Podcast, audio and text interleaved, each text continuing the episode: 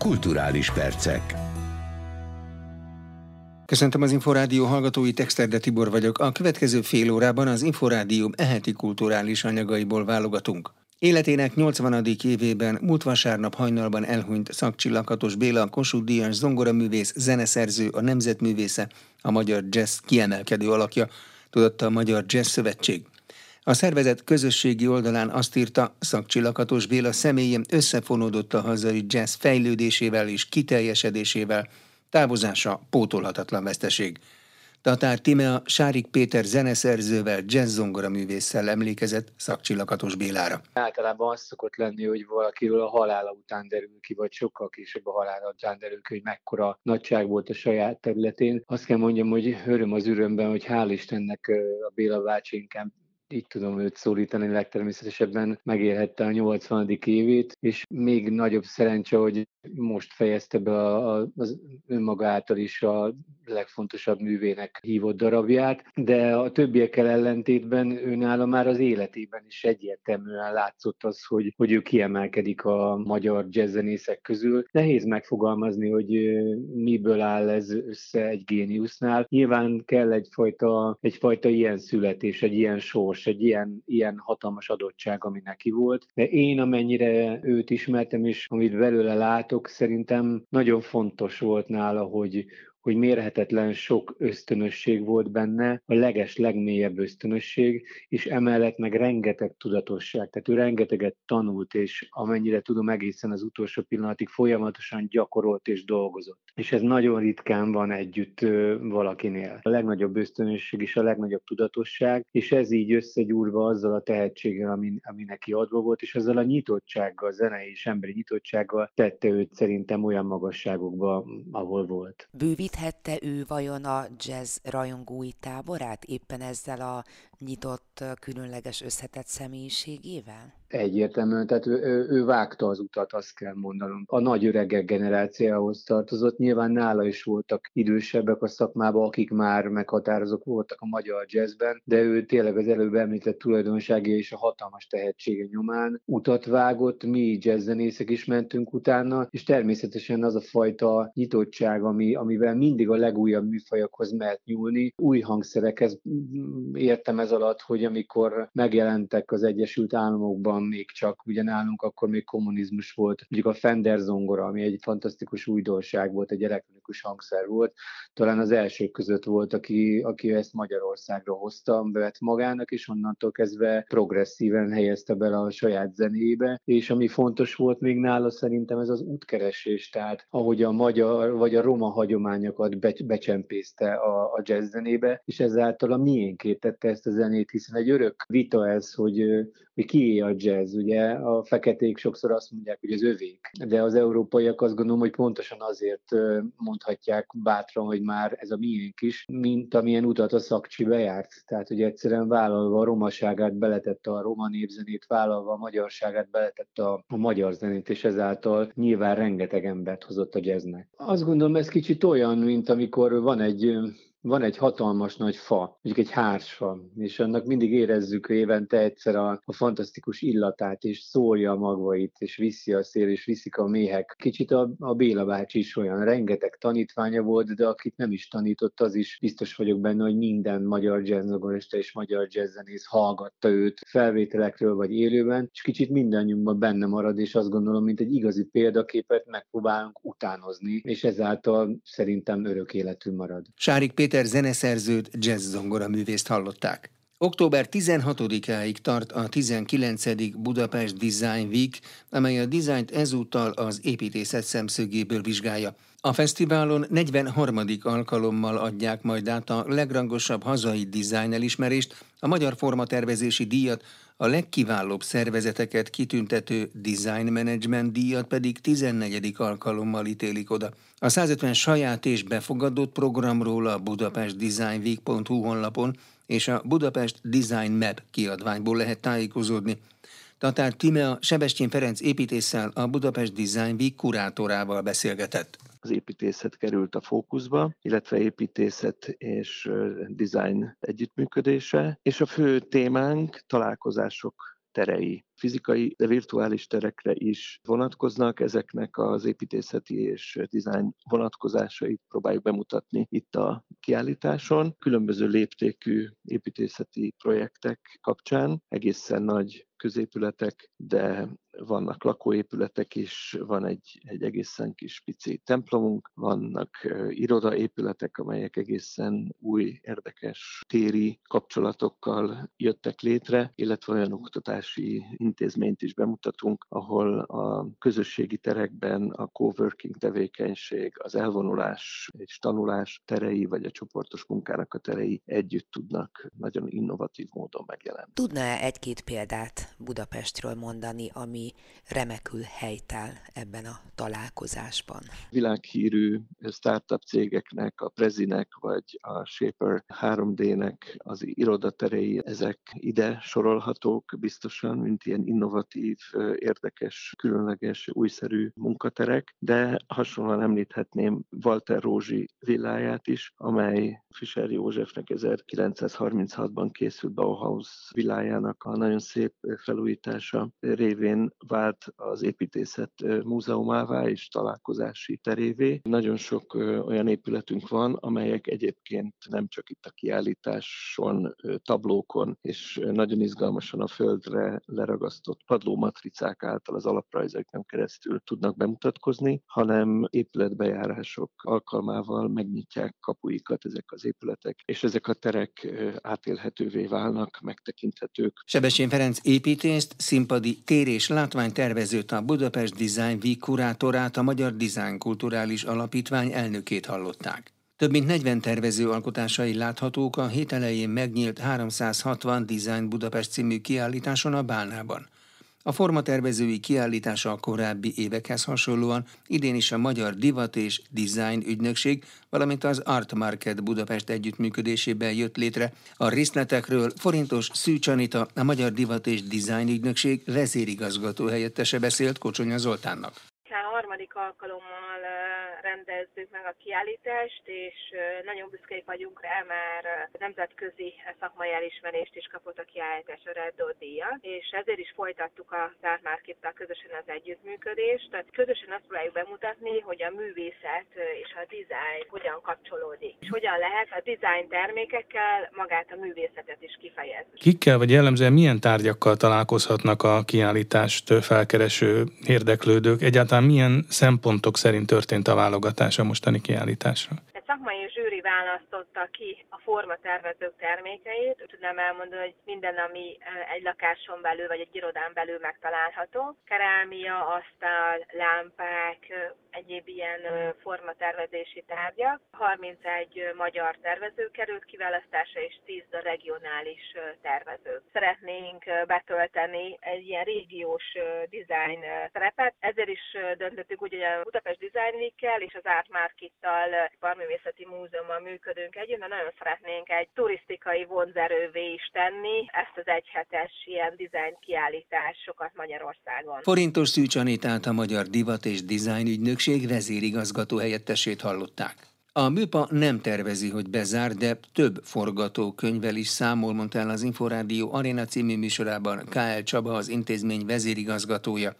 A riporter Kocsonya Zoltán. Azt lehetett hallani vidéki megyeszékhelyeken működő színházak esetében is, hogy nagyon korlátozott lehet a működésük. Szolnokon jelezték, hogy vélhetően a téli időszakra be is zárják a színházat, úgyhogy elég aggasztó hírek érkeznek. A műpánál mi a helyzet? Természetesen a műpát is érik ezek a hatások, vagy foglalkoznunk kell ezekkel. Mi egész nem tervezük azt, hogy bezárjunk. Természetesen, ha van olyan kormányzati intézkedés, ami ezt elvárja, akkor, akkor annak majd eleget kell tenni csinálni, hanem inkább úgy tervezünk, hogy van ABC verziónk, a különböző költségvetési jegyeladási szempontokat figyelembe véve, és próbáljuk a maximumot kihozni az adott lehetőségből. Ez vonatkozik a fizikai jelenlétre is, vagy, vagy a hőmérséklet beállításra, tehát kőkeményen dolgozunk azon, hogy, hogy egy optimális helyzet teremtődjön, és az optimális helyzet mindenképpen azt mondja, hogy nem szeretnénk bezárni. De az elképzelhető, hogy mondjuk a Bartók Béla a hangversenyteremben is ilyen 18-19 fok lesz, csak egy-egy koncert idején? Ugye ezek azért nehéz kérdések, mert a MIPA ráadásul nem is egy cég, tehát nem csak a MIPA Budapest Non-Profit Kft. által használt épület, hanem ott van a Nemzeti Filharmonikusok, a Kortatár és a Ludwig Múzeum. Például a Ludwignak üzemi hőmérséklete is van, ahol a műtárgyak elállnak, és hát nagyon nehéz azokat a hatalmas tereket kontrollálni, hogy most akkor hol mérjük ezt a hőmérsékletet. A MIPA előcsarnak a maga 10 hát több méter, szóval igen. tényleg próbáljuk a, a leg, legoptimistább. De rezsiszámlákat már kaptak? Mert én beszélgettem színház igazgatókkal, vezetőkkel az elmúlt hetekben, és ott ilyen 10-15-szörös rezsiköltségekről számoltak be, amit már megkaptak effektíven. Ugye a MIPA másik struktúrában működik, ez egy PPP konstrukció, és ott megkaptuk az elvárást az üzemeltető cégtől, hogy ők mit szeretnének, mekkora rezsi csökkenést, és hát ezen tárgyalunk velük, számolunk közösen, tehát próbáljuk a legjobb megoldást kihozni. K.L. Csabát a MIPA vezérigazgatóját hallották. Maradjon köztünk címmel dolgozza fel Révész László, László festő, performer, díszlettervező és forgatókönyvíró művészetpedagógiai tevékenységét a Magyar Képzőművészeti Egyetemen nyílt kiállítás. A tárlatról Rozgonyi Ádám kérdezte Salamó Júlia kurátort. Kicsit koncentrálnék arra, hogy miért Maradjon köztünk címet választottuk a kiállítás főcímeként. Egyébként van egy kicsit pontosító alcímünk is, ez a Szemelvények Révész László László művészetpedagógiai tevékenységéből. Ugye ez a kiállítás a Képzőművészeti Egyetem Barcsai termében kap helyet, ami egy nagyon tudatos helyszínválasztás, hiszen Révész László László 2009 és 21 között volt az egyetemnek, a festőtanszékének az oktatója, festő osztályvezető volt, és ugye hát tavaly tavasszal váratlanul elhunyt László, és szerettünk volna alulról szerveződő módon egy olyan kiállítást csinálni, ami az ő életművének kifejezetten az ilyen oktatói művészetpedagógiai részére koncentrál. Tehát bár mondjuk a főcím a Maradjon köztünk arra utalhatna, hogy ez egy klasszikus emlékkiállítás műfaját tekintve,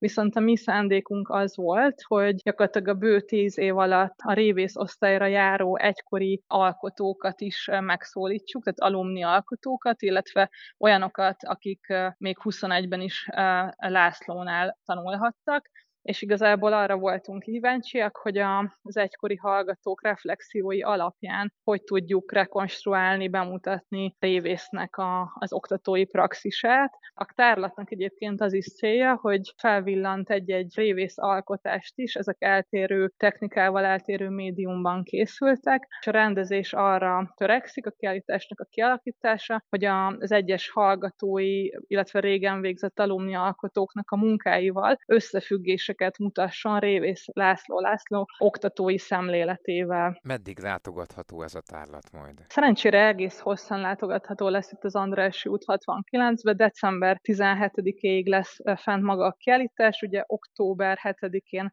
6 órakor fog megnyitni, és ez a két és fél hónapos időtartam arra is lehetőséget ad, hogy Révész László László amellett, hogy festő volt, aktív, mozgóképes médiumokban is alkotott, tehát animáció, film, többek között kapcsolódott a Balázs Béla stúdióhoz, Enyedi Ildikóval is dolgozott közösen forgatókönyvön, tehát egy nagyon gazdag, mozgóképes életműről van szó, és akkor még a, performance dokumentációit nem is említettem, és a két és fél hónapos nyitvatartásunk gyakorlatilag lehetőséget ad arra, hogy különböző kapcsolódó programokat szervezzünk a tárlathoz, amelyek jellemzően vetítések lesznek, pont azzal a célzattal, hogy tudjunk egy ilyen gazdagabb merítést adni a mozgóképes munkájaiból is Révész László Lászlónak. Egyébként a, a kiállítás rendezésében is érvényesül az, hogy a klasszikus táblaképek, installációk, háromdimenziós alkotások mellett elég sok videómunka és animáció is helyet kap így az egykori révészes hallgatóktól. Salamon Júliát a Maradjon köztünk című kiállítás egyik kurátorát hallották.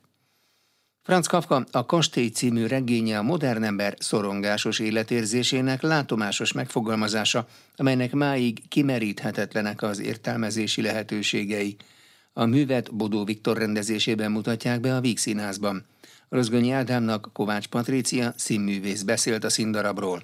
Lényegében az van, hogy szinte a, tehát a, a ifjabb Vinyánszki Attilán kívül szinte mindenkinek van több szerepe. Itt ez egy őrületes csapatjáték. Mondta az előbb ezt az aktualizálást, nem fogunk aktualizálni. Tehát, hogy uh, itt azt hiszem nem az a lényeg, hogy, uh, hogy kifejezetten kacsincsunk, és uh, és úgy a nézőkbe súlykoljuk, hogy látjátok, ez most is így van, nem csak a Kafka korában, mert amiről ez az előadás szól, az, egy, az, az örökérvényű az egyszerűen arról, hogy, hogy a kisembernek milyen, milyen őrületes buktatókon, papírokon, portásokon, jogszabályokon kell eljutni a, a, a céljáig, és hogy, és hogy milyen tud lenni egy közösség, amelyik nem akar befogadni. Milyen idegennek lenni egy helyen. Tehát egyszerűen tényleg olyan, olyan örökérvényű helyzetek vannak ebben a darabban, ami, amire nincs szükség aktualizálni, mert, mert sajnos ilyen, ilyen, ilyen ilyen az ember, hogy ez bármelyik korban, bármelyik században ez, ez, ez ugyanígy zajlott. És már a küzdelem, a mindennapi küzdelmekhez ön miből merít erőt, energiát? Hogyan tudja saját magát inspirálni? Hát igazából azt hiszem, hogy, hogy abból, hogy azt csinálok, amit szeretek. És egy szabad, szabad ember vagyok, aki dönt a saját életéről, hogy mit vállal, vagy mit nem vállal el hogy miért áll ki, vagy miért nem áll ki. És ez a, ez a belső szabadság, ez nagyon-nagyon sokat segít. És hát az, hogy van egy csodálatos szakmám, amit, amit, amit művelhetek, és ez bőven elég muníció arra, hogy egyébként elviseljem azt, amikor, amikor nehezebb. Igazából ez ilyen hála dolog hálás vagyok annak, hogy azt csinálhatom, amit, amit, amire mindig is vágytam, és egyébként hálás vagyok magamnak, hogy, hogy ennyi idősen elmondhatom azt magamról, hogy, hogy uralom a saját életemet, és, és én döntök arról, hogy mi, mit igen és igen. mit nem. Említette a darabbal összefüggésben az idegen életérzés, vagy az idegenség Igen. érzést. Ön ezt milyen gyakran érezte, vagy érzi? És hogyha ilyen érzése van, akkor vannak-e mindig olyan emberek, akik hát ezt az érzést csökkentik, és nagyon hamar segíteni tudnak abban, hogy ne érezze magát uh-huh. egy közösségben, egy helyen uh-huh. idegennek? Nekem személyesen egyébként nincsen sok ilyen élményem, mert viszonylag nagyon hamar én már kamaszként elkezdtem a színházban dolgozni gyerekszínészként. Addig, addig azért ott az iskolás éveimben, meg gyerekként azért sokszor azt éreztem, hogy egyáltalán nem, nem tudom felvenni a fonalat azzal, amit ugye egyébként a többi gyerek gondol, de szerencsére nagyon hamar bekerültem abba a közegbe, ahol én, ahol én otthon érzem magam. Viszont nem tudom, születésemtől fogva rendkívül érzékeny vagyok szociálisan, és van bennem picit ez, amit mondtam is az előbb, ez az ilyen közös, közösségi ember megkiállni emberekért, szóval bennem van egy ilyen hogy, hogy segítsek, vagy figyeljek, vagy odaálljak, vagy kiálljak, vagy adjam a hangomat olyan ügyekért, amit, ami, vagy olyan emberekért, ami nekem fontos. És azt is gondolom egyébként, hogy mindenki, akinek van bármi nevű ismertsége, vagy, vagy a média, vagy a közéletben fontos az, hogy megnyilvánuljon. Szóval az ilyen embereknek, mint amilyen én is vagyok, kutyakötelességük felemelni a szavukat másokért. Tehát én nekem nagyon sok olyan dolog volt az életemben, amikor nem személyes érintettségem folytán hallattam a hangomat, hanem egyszerűen azért, mert mint egy tolmács kellettem ahhoz, hogy, hogy meg lehessen hallani azokat az embereket, akik, akiknek talán nincs ekkora tere, mint nekem. Mik szerepelnek még a terveiben? Van esetleg a bakancslistán olyan elem, amit hát mindenképpen szeretne megvalósítani a következő években? Mm, nem szoktam valahogy így előre eltervezni, mi az, amit szeretnék, hanem igazából azt gondolom, hogy ez a legfontosabb, hogy, hogy ilyen flexibilis tudjak maradni, és hogy inkább legyen arra szemem, vagy ilyen érzékem, hogy ha jön valami, akkor, akkor arra menni tovább, vagy, vagy azt kipróbálni.